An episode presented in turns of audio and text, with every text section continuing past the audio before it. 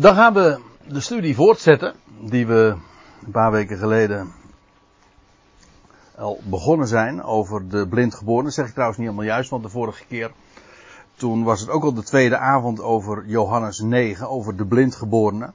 Maar die eerste avond was toen, hebben we ons met name met dat derde vers uh, bezig gehouden. Over de reden waarom die man nou blind geboren was. Want dat was de vraag in de eerste instantie ook van de discipelen. En de Heer geeft daar zo'n geweldig antwoord op. En dat was de moeite waard om daar een, eh, een hele avond bij stil te staan. En vervolgens hebben we, en de vorige keer hebben we echt eens meters gemaakt, want toen zijn we vanaf vers 4 tot en met vers 34 gekomen. Dat komt ook een beetje omdat uh, in die geschiedenis die dan verhaald wordt, een paar keer een herhaling zit. En iedere keer opnieuw wordt diezelfde geschiedenis dan verhaald van uh, de afwijzing van de Joden. En dan komen de Fariseeërs weer terug. En dan wordt het opnieuw nog een keer uh, verteld. Uh, en dat onderstreept vooral dat het ongeloof van de, van de Joodse wereld, meer speciaal de, de leiding, de Fariseeën worden genoemd, vooral voor het voetlicht gebracht wordt. Zij waren de echte blinden. Dat zullen we vanavond trouwens ook nog wel zien, want we hebben nou nog een aantal versen, een zestal versen te bespreken van Johannes 9. Daar zijn we toen niet meer aan toegekomen. En met name in dat laatste gedeelte, wat we dus vanavond zullen zien, wordt dat uh, met name ook geaccentueerd. Die blindgeborene is, zoals we dat iedere keer bij die tekenen zien, een, een type van, ja, van Israël, dat genezen zal worden op de Sabbat, want het was een dag, de dag, de zevende dag dat dit wonderteken plaatsvond. Dat is, het lijkt wel alsof de Heer daar een, een voorliefde voor die dag had om juist dan genezing, genezingen plaats te doen vinden. Maar dat bleek nu juist ook de reden waarom hij op zoveel verzet stuitte. Want ja, hij had gewerkt. Namelijk, hij had slijk op de ogen van die man gedaan. En dat werd als eh, werk gemarkeerd en uh, geïnterpreteerd. En daarmee werd eigenlijk uh, die hele genezing en de genezer dus ter discussie gesteld. Misschien is het nuttig om nog even, wat ik de vorige keer ook heb laten zien, de structuur van Johannes 9 dan uh, te tonen. En de wijze waarop dat hoofdstuk dan is opgebouwd. Het gaat dan over de Heer en de Fariseeën dan eh, de eerste zeven versen over de Heer en de man, de blindgeborene dus. Dan vervolgens van 8 tot 12 de buren en de man. Dan krijg je de fariseeën en de man. In 18 tot 23 de ouders en de man. In vers 24 tot 34 weer de fariseeën en de man. Ik zei zojuist al, er komt nogal wat herhaling in, in voor. En dat zie je dus eigenlijk ook in de, deze, deze opbouw weer terug. En dan in vers 35 tot 38, waar we vanavond dus mee verder gaan, de Heer en de man. En dan eindigt het weer met de, de intimiteit, namelijk de Heer. Nee, eh, pardon, eh, dat was dit. En vers 39 tot 41, dan gaat het weer over de Heer en de Fariseeën, waar het uh, ook mee begon. Dus. Dus je ziet ook hier weer die, die inversie, zo noemen ze dat met die structuur. Het is naar binnen gekeerd. Je ziet het. Het centraal staat in dit gedeelte de fariseërs en de wijze waarop ze zich opstellen tegenover die man. In, dat is het mooie van die structuren. Het laat niet alleen maar zien dat er een bepaalde plan en opbouw in zit. Het laat ook zelfs zien uh, waar het feitelijk allemaal om gaat. En verreweg het grootste gedeelte ook van dit, van dit hoofdstuk gaat eigenlijk daarover de wijze waarop de fariseeën dan vervolgens met die man omgaan. Dat staat dus in het, in het midden. Het alles uh, bouwt uh, daarop, nou niet zozeer op voort, als wel uh, wijst daar naar, naar het centrum. Goed. En dat betekent dus eigenlijk ook dat het eigenlijke wonder dat in de eerste zeven vers plaatsvindt, qua lengte van het verhaal uh, nog een uh, betrekkelijk kort is. Maar de reactie van ongeloof, dat is eigenlijk de rest van het hoofdstuk. En dat wordt vooral dan ook belicht. Nou, ik pak even de draad op bij vers 34. Dat was het laatste vers wat we de vorige keer hebben gezien. En zij, zei, zij antwoordde en zeide tot hem. En die hem, dat is dus die blindgeborene. En, die, uh, en zij antwoordde, dat zijn dus de fariseeën. En zij antwoordde en zeiden tot de blindgeborene. Jij bent geheel in zonde geboren. Uh, en jij, jij onderwijst ons. Waarbij je zowel de nadruk kan leggen op dat woordje jij.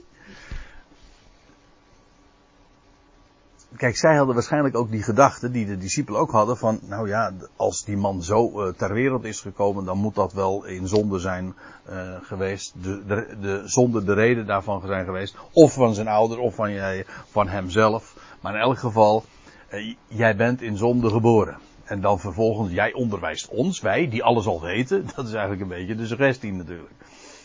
Maar deze man was in zonde geboren, of in ieder geval was blind geboren. Ge, geboren. Maar hij kon zien dat, wat zij niet konden vertellen. En, oh ja, dat was dan het, zo'n beetje het laatste. En ze wierpen hem buiten. Dat wil zeggen, buiten de synagoge. Ook daar hebben we nog wat uh, bij stilgestaan. Uiteindelijk is dat ook weer een van die.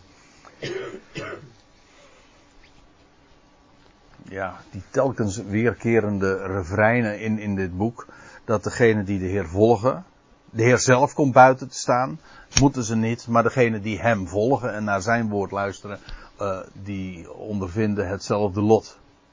Buiten de legerplaats.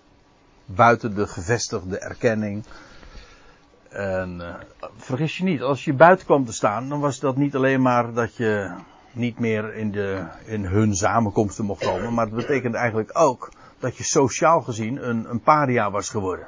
Je, werd, je was gewoon niet meer in tel. En dus moest je ook delen in, uh, in de afwijzing van de Heer. Nou, dat heeft die man ook ondervonden. Jezus hoorde dat zij hem uitgeworpen hadden. En vond hem. Ja.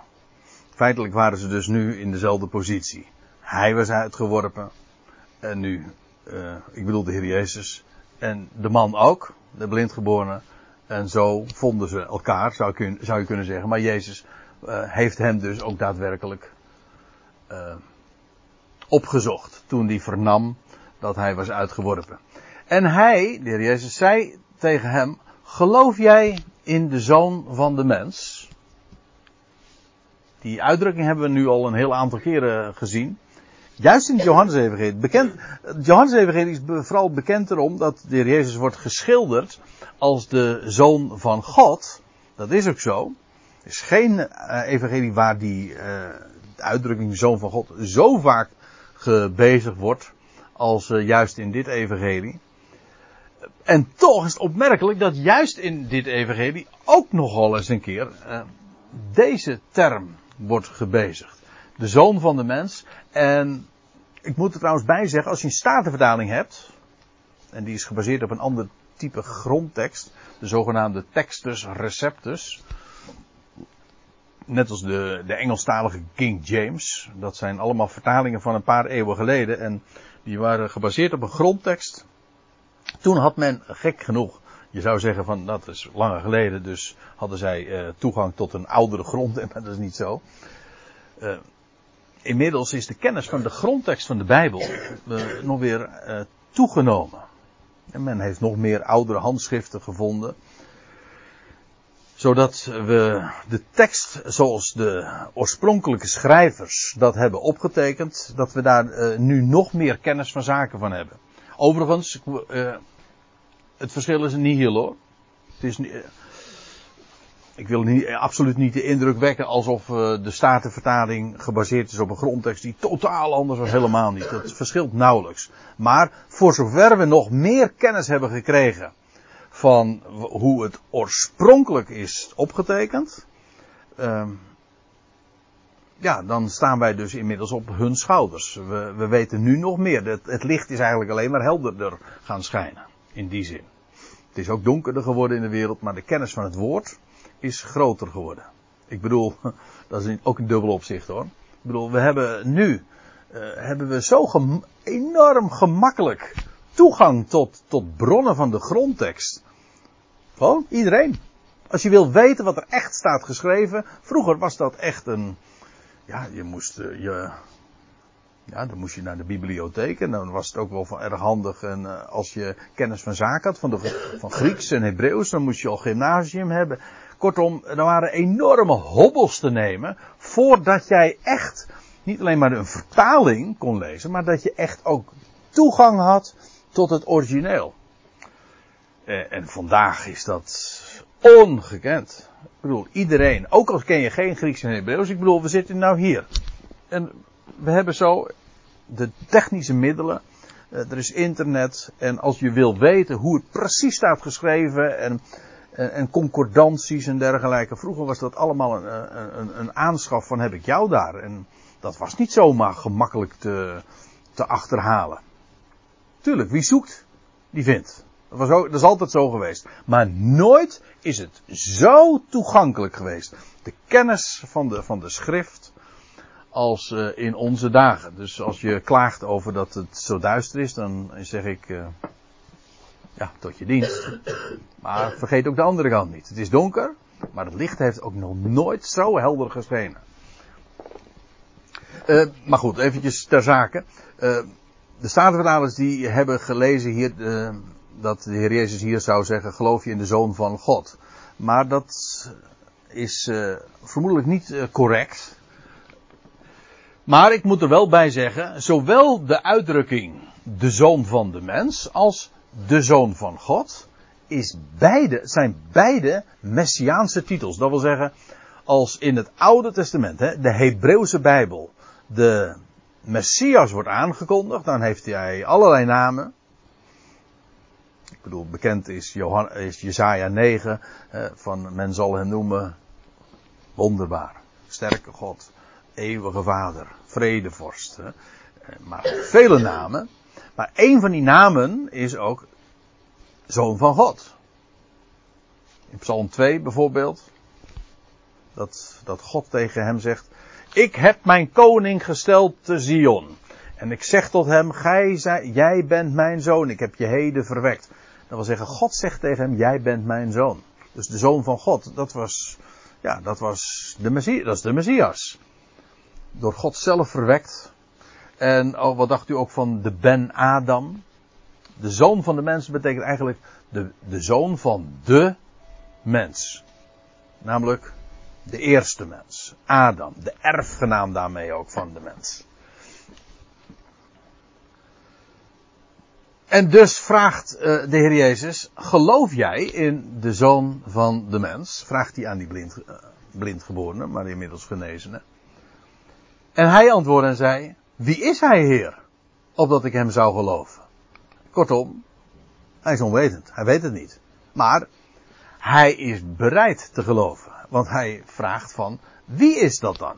Opdat ik zou geloven. Ja, als je, als je niet weet, eh, als je het niet eerst hoort, hoe zou je dan kunnen geloven? Hoe zouden ze geloven, zegt Paulus dan, indien ze het niet eerst horen? Dat is nogal uh, wieders. Maar hij vraagt dat dan ook. En Jezus zei tot hem, je hebt hem ook gezien. En die met je spreekt, die is het. Nou, hoe helder uh, kan een antwoord zijn? Je hebt hem ook gezien. Ja, dat kon hij nu ook met recht zeggen. Je hebt hem nu gezien.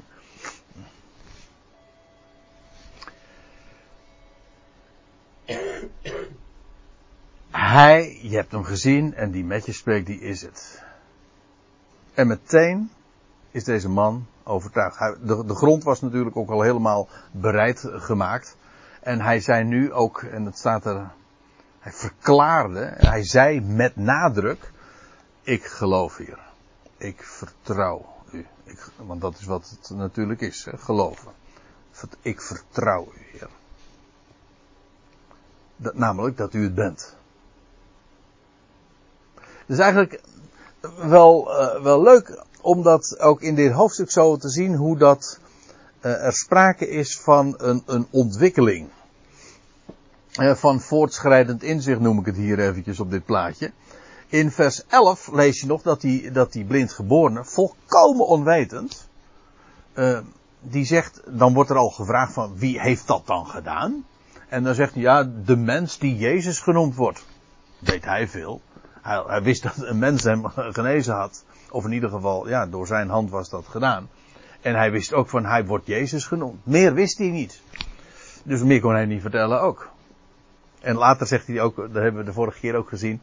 Hij, dat was een, geweldige, ja, een, logica waar, waar, waar, je echt niks, niks tegenin kan brengen. Dat hij zegt, eh, als, als de fariseeën hem dan het eh, vuur aan de schenen leggen. Hij zegt, uh, dan vragen ze over wie is dat dan nou. Hij zegt, één ding weet ik. Eén ding weet ik. Ik was vroeger blind en nou kan ik zien. Nou, breng daar maar eens iets tegen in. ja, de mens die Jezus genoemd. Dat was, dat was het eerste. Um, later zegt hij, als dan gevraagd wordt van ja, maar wat denk jij dan? Dan zegt hij, nou hij is een profeet. Ja, uh, wie anders dan iemand die van God komt, kan zoiets doen. Maar u ziet, het is een opklimming. Hè? Eerst de mens die Jezus genoemd wordt. Dan zegt hij, ja, hij is, een, hij is een profeet. In vers 33 lees je nog dat hij zegt van ja, hij moet van God gekomen zijn. En nu in vers 36 vraagt ja, wie is hij? Dan wil hij inderdaad ook meer weten. En nu zegt hij, ik geloof. Als de Heer Jezus gezegd van, degene, je hebt hem gezien en die nu met je spreekt, die is het. hij, is, hij is meteen verkocht, hij weet het. Dit is, dit is het. Ik denk trouwens ook, het, het loutere feit dat dit, moet je, moet je eens eventjes eigenlijk over doordenken. Hij is eruit gegooid, dat wil zeggen buiten het systeem, zeg maar, buiten de godsdienstige wereld. En juist daar buiten geworpen, daar vindt hij de Heer. Of nou, ik moet eigenlijk anders zeggen, de Heer vond hem. Daar. En daar komt hij ook werkelijk tot die ontmoeting en tot het, het echte inzicht. En ik denk dat ik zie daar trouwens ook een, een, een, een geestelijke waarheid in, namelijk dat je juist buiten de, de, de godsdienstige wereld en dat buiten de wereld van, van godsdienstige prestaties en, en dat wat mensen hebben opgebouwd, waar je al, waar je inderdaad van de mens niks meer hoeft te verwachten, juist daar kom je erachter van wie hij is en wat de rijkdom is van zijn woord. Nou, zoals deze man. Uh, ja, hij was buiten geworpen, maar, wie, maar de Heer vond hem. En hij vond de Heer. En nu wist hij wie, over wie hij het had. Hij zei, ik geloof Heer. Hij wist, dit is de Ben Adam. En hoe ver dat gaat, dat blijkt dan wel. En er, want er staat er, en hij wierp zich voor hem neer.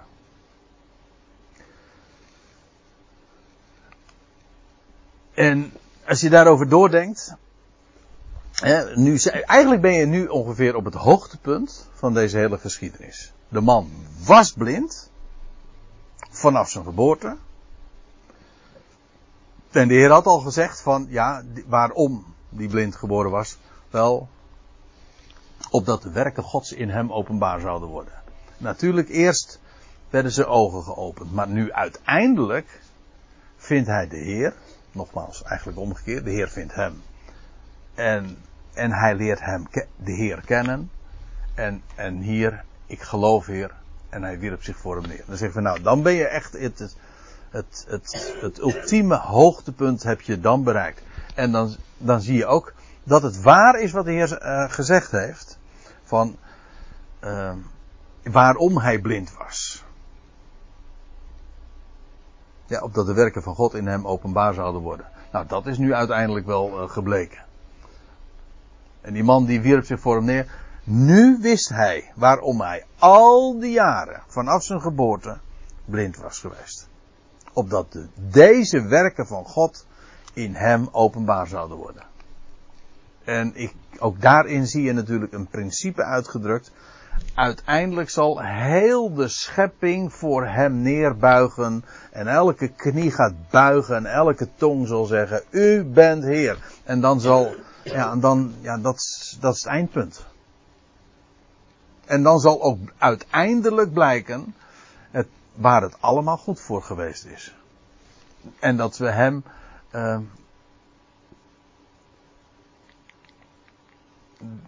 dat die man, hè, want in de naam van Jezus zal elke knie buigen. Dat wil zeggen in de naam van hem, eh, wiens naam betekent Yahweh red. Hij wierp zich voor hem neer. Ik moet er trouwens even nog iets bij zeggen. Eh, in de MBG-vertaling hier staat hier, eh, hij wierp zich neer, neder voor hem. Als u een statenvertaling hebt, dan staat er, en hij aanbad hem.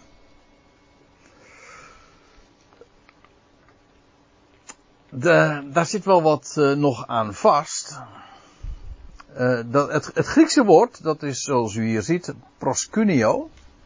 En dat bestaat eigenlijk uit twee delen. Dat woordje pros, dat is een, een voorzetsel.